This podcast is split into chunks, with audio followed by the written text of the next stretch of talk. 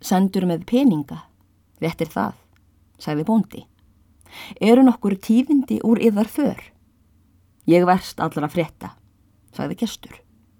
Allt meinhægt og ósjúkt. Það frekast ég til veit, nema það veri víða krankveld. Þó hafa engir nafnkendir dáið, nema börnin eins og vant er. Og skiptapin sem varð á Akranesi núna skömmu fyrir jólinn. Þar druknuðu þrýr menn af bát, en fjórði komst af. Þeir fóru úr Reykjavík á áliðnum degi. Gjörði þá á þá suðaustan hrinu, en sjógullandi var. Báturinn slæmur og varði sig ekki. En til allarar ógæfu hefðu þeir glemt austurstróginu og höfðu ekkert í bátnum til að auðsa með, nema einn leigil sem var á brennivín. Þá vildi eitt þeirra brjóta botnin úr leglinum og auðsa svo með honum, en fekk því ekki ráðið fyrir formanninum því hann átti brennivínið. Það er haft eftir honum að hann hafi átt að segja heldur drep ég mig en lát áru leglinum því það er ekki gefið sem á honum er og þarna fylgti hjá þeim og kvoldi.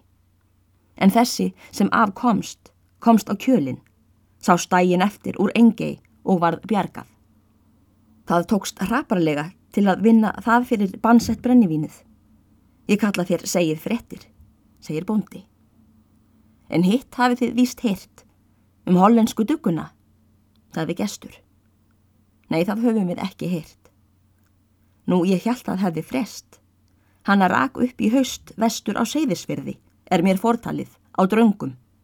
Ég kann að nefna það, í norðanveðrinu, sem hann görði litlu eftir réttirnar, þegar hann hljóp upp úr vestangaranum upp í landnorðanofsan. Hún hafi liðast sundur, þar við klettana en komust mennirnir þó af. Nei, byttu fyrir þér, ekki því líkt, ekkert mannsbarn nema kokkurinn og hundurinn skipherrans, sem var syndur og hvað bera sig hörmulega og ekki vilja þýðast nokkur mann, en horfir með tárin í augunum út á sjóin. Því segi ég það.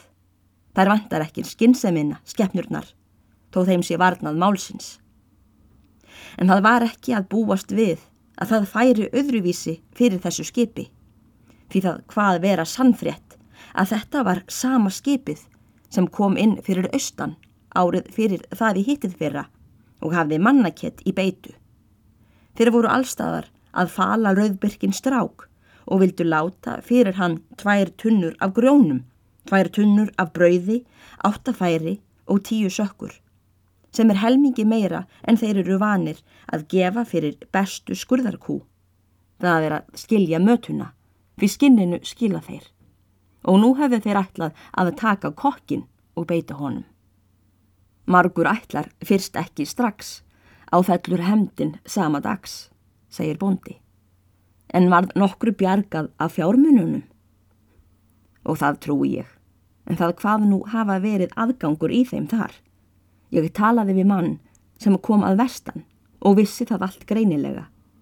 Þarna fengu þeir eins og þeir gátu komist með, færin, strengina, grjónin lít skemmt, röngdóttar skirtur og klútana eins og feldi. Það er satt. Þeir eru ónýtir. Og hollensku ostana hvað ekki eiga að aka úr spesíu hjá þeim. En sírópið jösu þeir með höndunum í hattana sína upp úr fjörunni.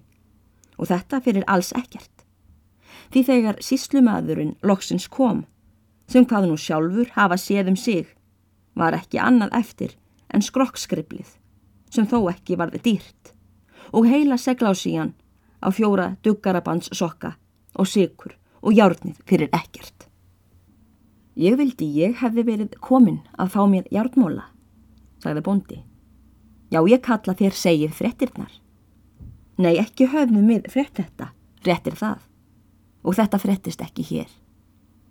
Á draungum, segi þér mér. Er það ekki nálagt drangajökli einhver staðar? Jú, fyrir vestan hann, held ég. Ég hef aldrei komið í þá paufa.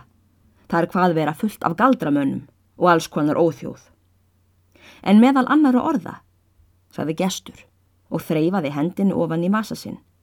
Ég var narið því búin að gleima brefi sem presturinn baði mig að skilja hér eftir. Ég held það sé til yðar. Gestur lítur utan á bref er hann tekur úr brefabakka. Heiti þér ekki Signor Sigurður Jónsson á hlýð? Jú, svo vænt ég það eigi að heita, sagði bondi og sög upp í nefið.